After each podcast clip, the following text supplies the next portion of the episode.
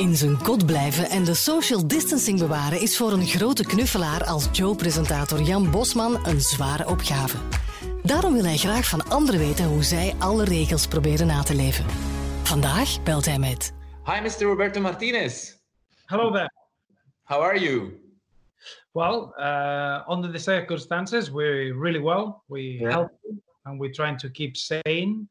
But uh, within the difficulty of this situation, this is a really a real problem for for all of us, for the humanity. H- How are you trying to pass some time? I think I think you got the every family has two two aspects to consider. One is to keep safe, and that probably doesn't affect the younger generation as much as it does to the older generation. But everyone has a concern in someone that is close to you that is got an older age or is in a group of risk. And I think when you put that aside, it becomes an opportunity. It becomes an opportunity of the all of a sudden mm, life stops and allows you to go into your own pace. Uh, you can still work. I think the technology now allows you to work from home, but allows you to assess the things that we take for granted on the day to day. That moment that you can have with the family, being able to read a book, being able to share little things that you cannot do in our 100 miles an hour life that we all have. So I think once we get through this period, and we will get through this period, uh, we're all going to become better people and we're all going to be stronger for the future. And I hope that that's, if we can get through this safe, and that's the main priority, I think that's going to make us better as, as humanity, but no doubt. That was one of the things I was going to ask you. Did you find yourself some new hobbies, maybe? Well, no hobbies because there's nothing I enjoy more than watching football. And believe me, uh, there are so many options. But I think enjoying that little time with, uh, I've got a six years old daughter and a eight months daughter, and being with them and being able to see them grow is something that you cannot do when you are working in an office uh, really early from nine till till five, and and those are the little uh, elements that you all of a sudden you you realize that uh, this is important that we can we can take into our our way of living life after the big pandemic virus. You said there's nothing more that you enjoy than football. What do you do? Watch reruns or stuff like that? Yes, yes. I think in football, you always, when you watch football, in my case, is always for work. You have to watch the opposition, or you watch our players, or you're watching performance. I love watching football with no working uh, behind it, so you can enjoy how players enjoy the skill of being on the ball. Uh, problems to certain coaches that they have to find solutions. I love the game of, of football. It's my passion. It's my life.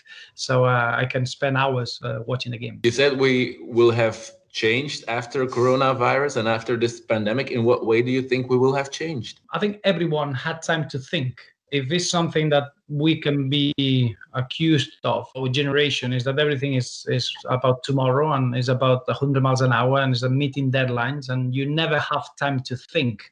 And I think now everyone had a little bit of time to not to take for granted the things that we do take for granted, being able to go out, being able to share some time with um, that human touch. Now everyone can be in contact with the video calls, and I think that that's what technology brings. But that that hook, that uh, wink, that uh, little uh, human touch is something that you cannot take for granted. So you'll always have time for for that friend that he wants to spend some time with you, um, the family, uh, things that you do with the family that you don't do when you are working. Um, Yeah. The balance between working life and personal life is very very difficult to achieve in every walk of life.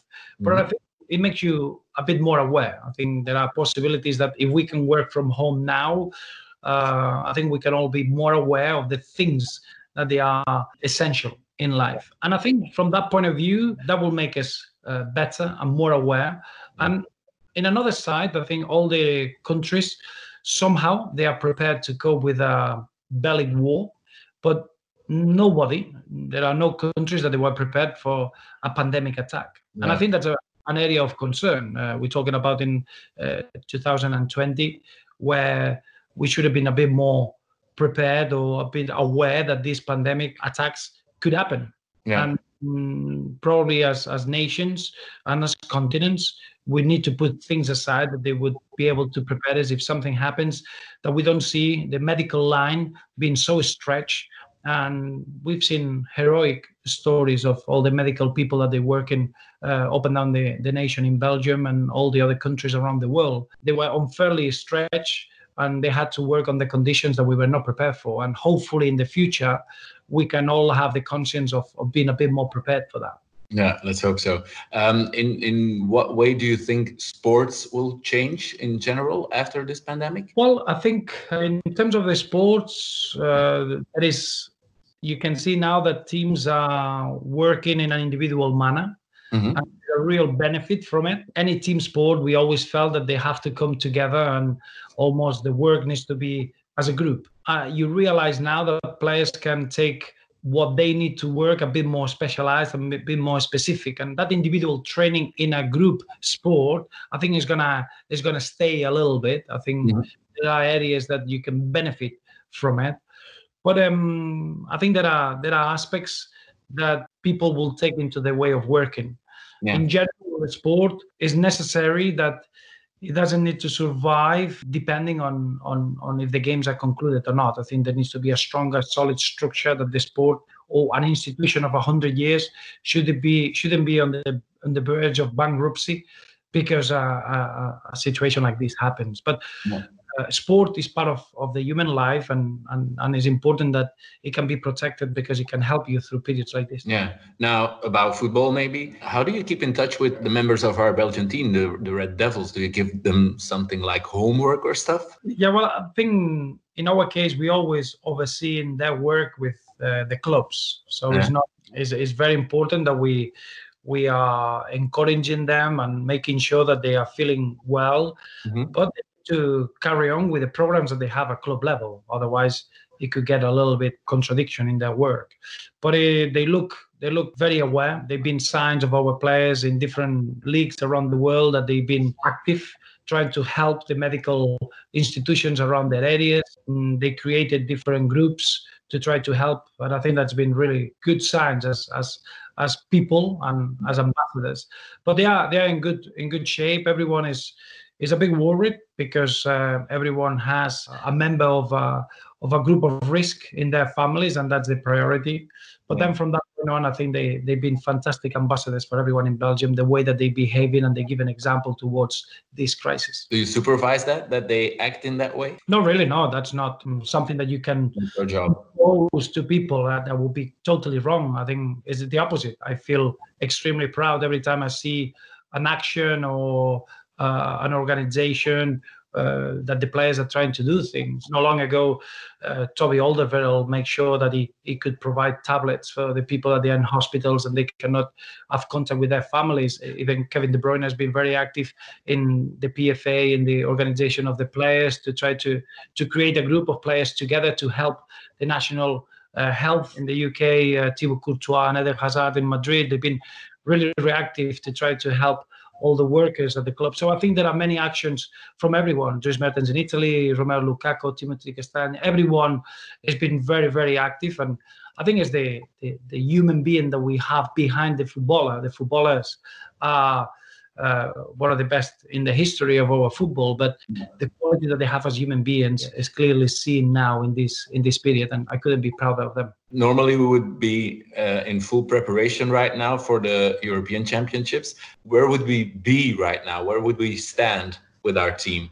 Well, one thing is is clear is that we had a very very good preparation for the for the Euros. Uh, we had two years that uh, I felt the team grew. Uh, we got more competitive, and I think we were mm-hmm. ready mentally and physically for the big tournament. But it's not a debate about if the Euros should have been postponed or not. There is a necessity. Uh, UEFA had to make that decision.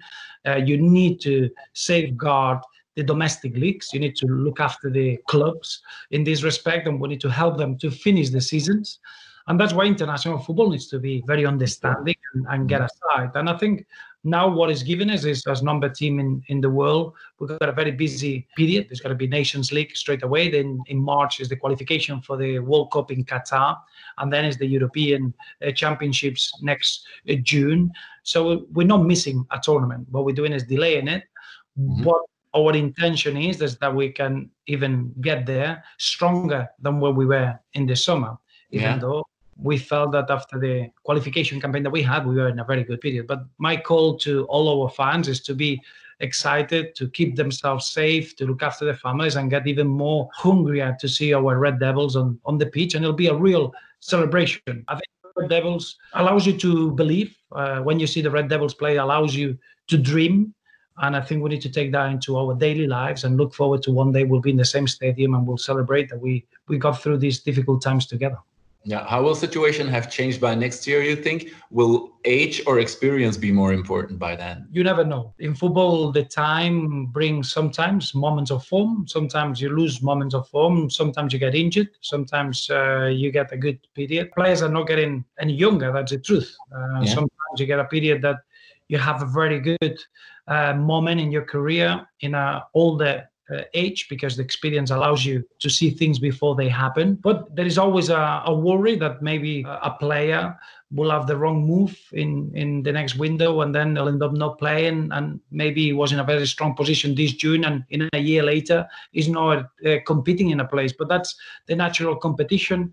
That's the the environment that we want to create in the red devils is a high performance environment and you always look to how we can use this time to improve. You don't look at the, the things that they could be uh, negative because uh, that's a matter of life. You will get people or individuals that they benefit from it, individuals that unfortunately is going to go against them an extra 12 months. But in general, I think the focus is that we want to become a better nation ready for yeah.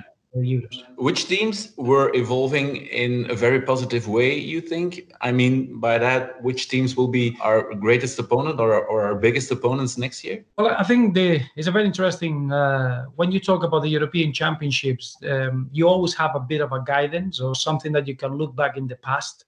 This one, these Euros, because you play over 12 nations, yeah. is impossible.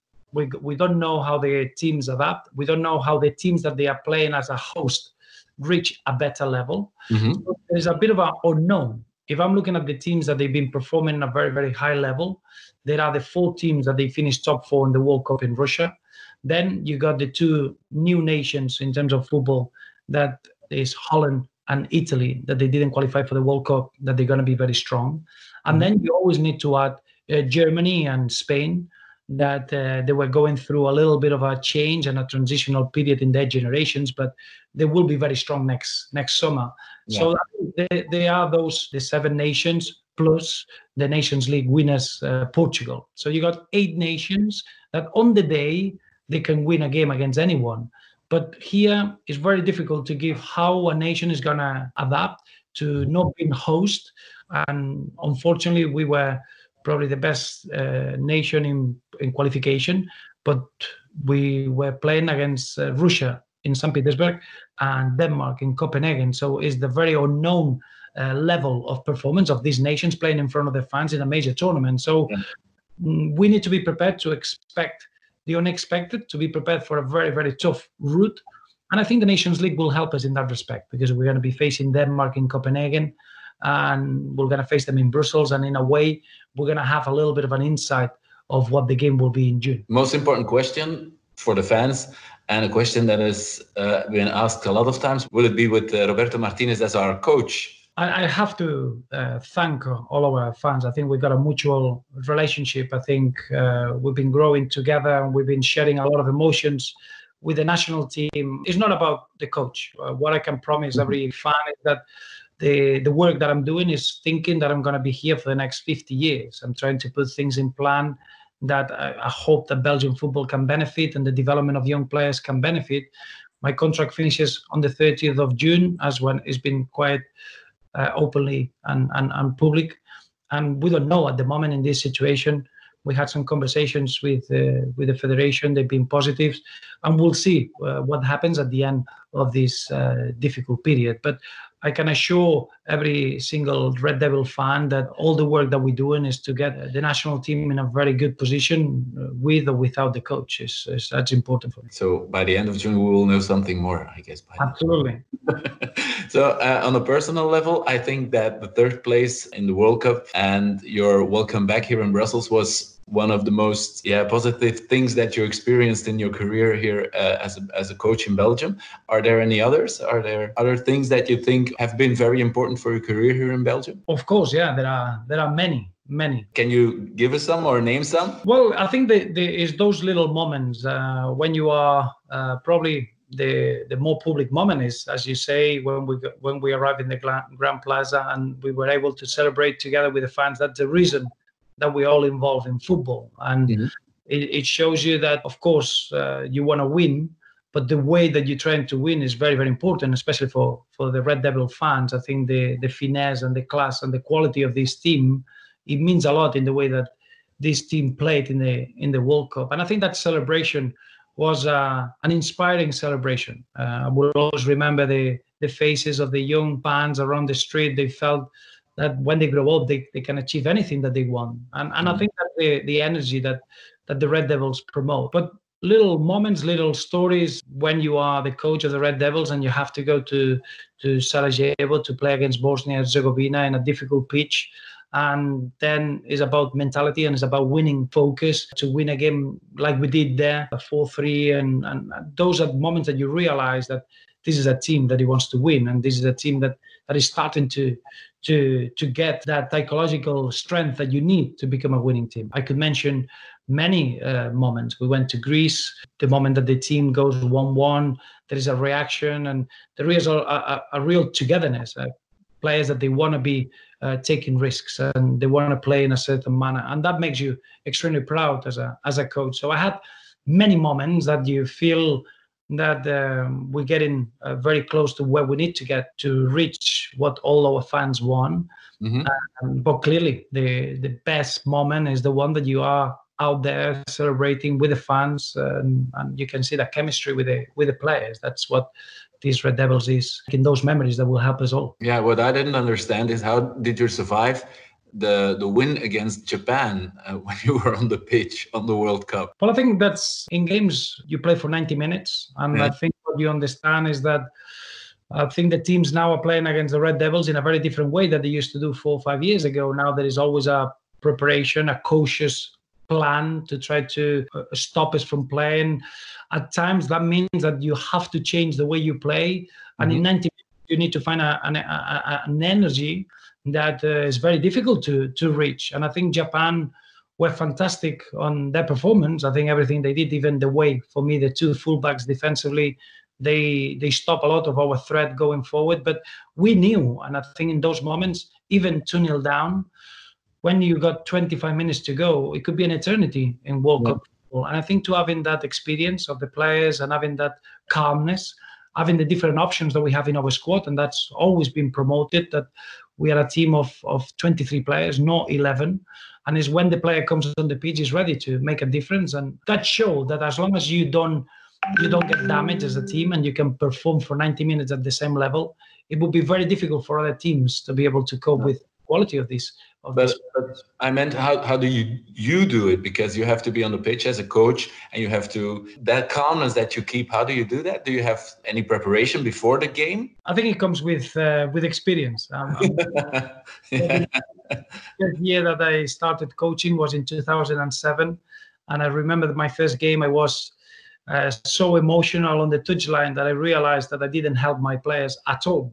And I think slowly the job of the coach is always to be able to be rational because yeah. you have to help the players. The moment that you get emotional, the moment that you start thinking about what could happen and and what's going to happen, and you get upset by a referee's decision, or you get upset by something that is going on. Unfortunately, you finish the game and you realize that you haven't been able to make a decision or a move or a change to give a tactical advantage to your players or help your players. And I think that comes with experience. It's not easy, but it happens not just in in football or sport. It happens in any walk of life. Business people, when you got a decision uh, to make, or you have to make sure that you can be rational. Rational. You need to get rid of the emotions. You need to almost be in a bubble. And that's why I really enjoy to be in the technical area, be on your own, uh, no distraction. I don't hear anyone. I don't hear anything. And I think that, that comes with with getting hurt in the in the past yeah. and playing games. Like a Brazilian coach Tite said recently, he still wakes up in the middle of the night, sweaty, thinking about the, the match against Belgium. Did you have moments like that as well? You do, of course. Of course. As a coach, you try to relieve every game. The ones that you don't win, you want to know why. You, you want to find that that answer. And I understand Brazil were the favorites in the World Cup. We went mm-hmm. to to a game where for 60 minutes we were so superior that as a coach is very difficult to understand why did that happen and I, I, can understand the comments of, of the Brazilian coach, a very experienced coach, a very, very good coach. And I think now can be a little bit open about it because they won the Copa America and I think they've been very successful. But that performance is one that he would keep any coach uh, waking up. Do, do you have uh, moments that you wake up like that, thinking about a game that went wrong? You do, you do. Yeah, I, I, I think what I tend to do is I never go to sleep on, unless I know what happened in the game. Okay. Otherwise, you cannot you cannot uh, sleep properly. But yeah. you never go to sleep, or you never go home being able to be yourself. And probably my family uh, pays for that, especially my wife. Uh, I'm not very good company until I know what went wrong in, in a game. Then you can go back to be your normal self. But you cannot just go go through days without finding the solutions of what went wrong in in a game. It's mm. it's it, it gets you it gets you uh, really bothered inside. Uh, okay, we're almost at the end. I still have one question about Corona. The situation with the confinement in your home country is very bad. How do you keep in touch with your relatives over there, and how do you try to convince them to not give up hope it's difficult. It's difficult. The reality is that any person over the age of 80, uh, they are in a very risk uh, group at the moment in Spain. Um, it's been it's been uh, following a little bit what happened in Italy. I think now the Spanish government they've been trying to find solutions, but it's it's been really difficult. In our case, um, my mom and dad they just isolated. We got a plan to being able to give them the, the nutrients and the everything that they need without leaving the apartment. And from that point, don't read the news, don't watch the TV, and just try to be together. And they're in a good health, and they are both together. And, and I think is is the only way. Uh, maybe looking away for uh, four weeks, uh, try not to be aware of what's going on around the world, mm-hmm. and try to see that uh, there is no contact and avoid any sort of risk to get the, the, the virus. But that's how worrying and how sad the situation is. Um, I speak with them on a daily basis, and and that's the only way that you can do it. But you can see the uh, sometimes the situation can be too too too much. Uh, you cannot go and get fresh air. You cannot get out. You cannot see the people that you normally see. All of a sudden, when you are older, you're starting to think and in a different way. And keeping the spirits up probably is the hardest thing but they know we'll we'll survive. We'll get through this period. Yeah. What's the advice? Keep watching football? My dad yeah. My mom i don't think she would no. I mean no. Okay. a few series to watch yeah. Okay. Thank you very much for this um, one-on-one uh, yeah. wishing you lots of success and uh, especially stay healthy because that's the more, most important i think. Same wise yeah, it's been a pleasure and keep yourselves sane and safety during this period. But as a nation, we'll be stronger after this, I'm sure. Zin in nog meer podcasts? Ontdek ze op joe.be.